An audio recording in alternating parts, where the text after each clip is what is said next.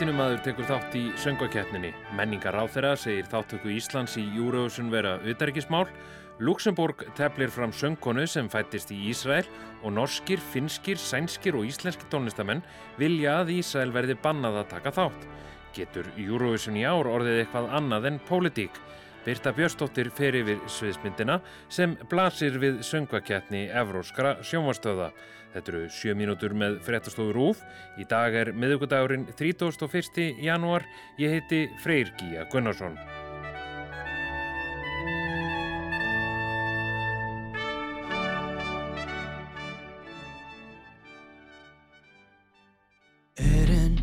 Þetta er Bashar Murad og lægið Vestrið Vilt. Bashar er palestínumadur og er meðal keppenda í söngakeppninni. Þáttaka hans hefur vakið mikla aðtegli.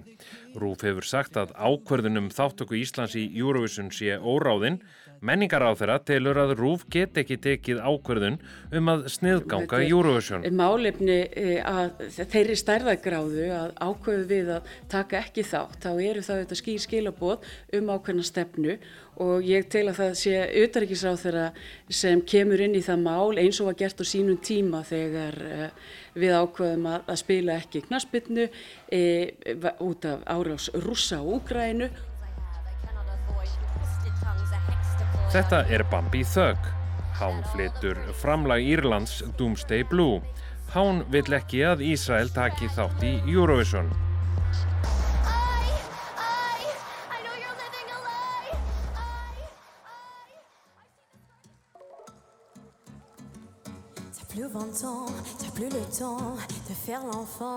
Og þetta er Tali Golargant. Hún flytur framlag Luxemburgar Fighter.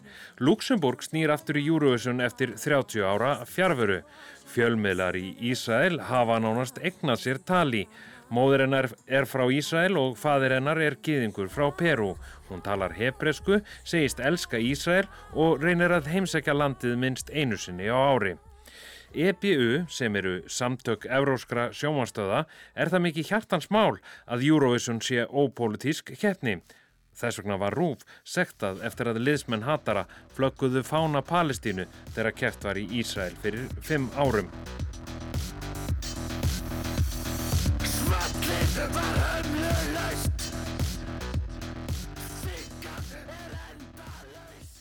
Kettin í ár, hún verður nú veintalega enn flóknari uh, vegna þess að umdelda stríðsregsturs Ísraela á, á Gaza.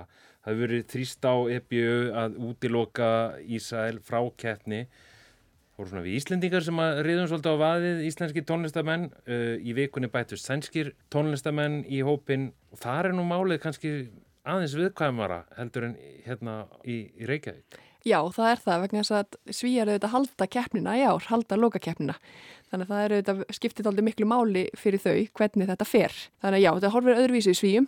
Þeir halda keppnina og eru svolítið bara býðið til svörum skilsmanni frá EBU þegar að svona vísa málunni aldrei til þeirra. Já, það hafa okkur verið svona viðbröð eh, SFT að þeir, þeir segja skilja hérna e, þessar rattir en ábyrðin liggi hjá EBU. Já, ákverðin liggur þar og það er svo sem sama og, og út á stjóra hinnar Norrlanda þjóðana hafa sagt. Það er EBU sem heldur keppnina, það eru þau sem að taka á endarlega ákverðina. Det er EBU sem bestemmer hvilka länder som skal delta Eh, och de har bestämt att Israel ska delta och vi kommer att Já, en þessi undirskiptalisti, þetta eru rúmlega eh, þúsund sænski listamenn sem koma með þessa áskorun og ólíkt e, samskonar listum frá hinn Norrlundunum þá er þessi sænski listi fer bæðilega SFT og EBU á meðan hinnir listanir frá hinn Norrlundunum hafa fyrst og finnst farið bara til stöðvana sem að halda keppninar í sínu heimalandi. Er þetta einhverjir tónlistamenn sem við Íslendingar konumst við? Já, þetta eru sko, ég meit, rúmlega þúsund og þarna er alveg nöpp sem fólk þekkir eins og til dæmis Robin og svo held ég að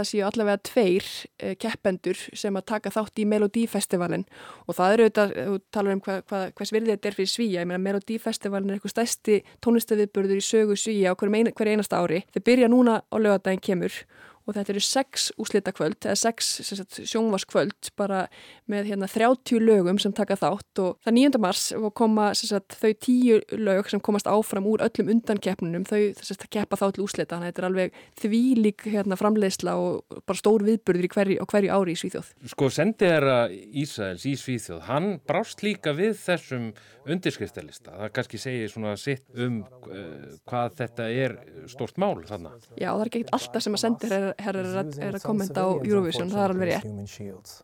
So by signing petitions like this petition, you can give the impression that you're giving Hamas terrorists a prize.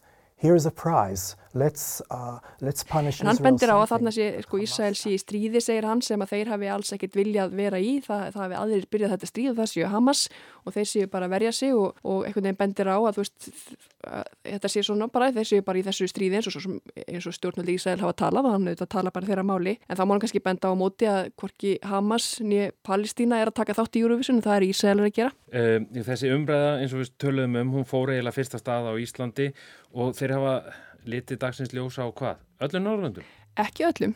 Það er eins og danski tónlistamenn séu svona allavega, ef þeir veit í hvort þeir séu byrjar að safna undirskriftum, en þeir eru allavega ekki með, allavega ekki til að byrja með. En jú, öll hinn Norðurlöndin, er að segja, þetta eru um 300 undirskriftir frá norskum tónlistamennum sem NRK fengu í fangið.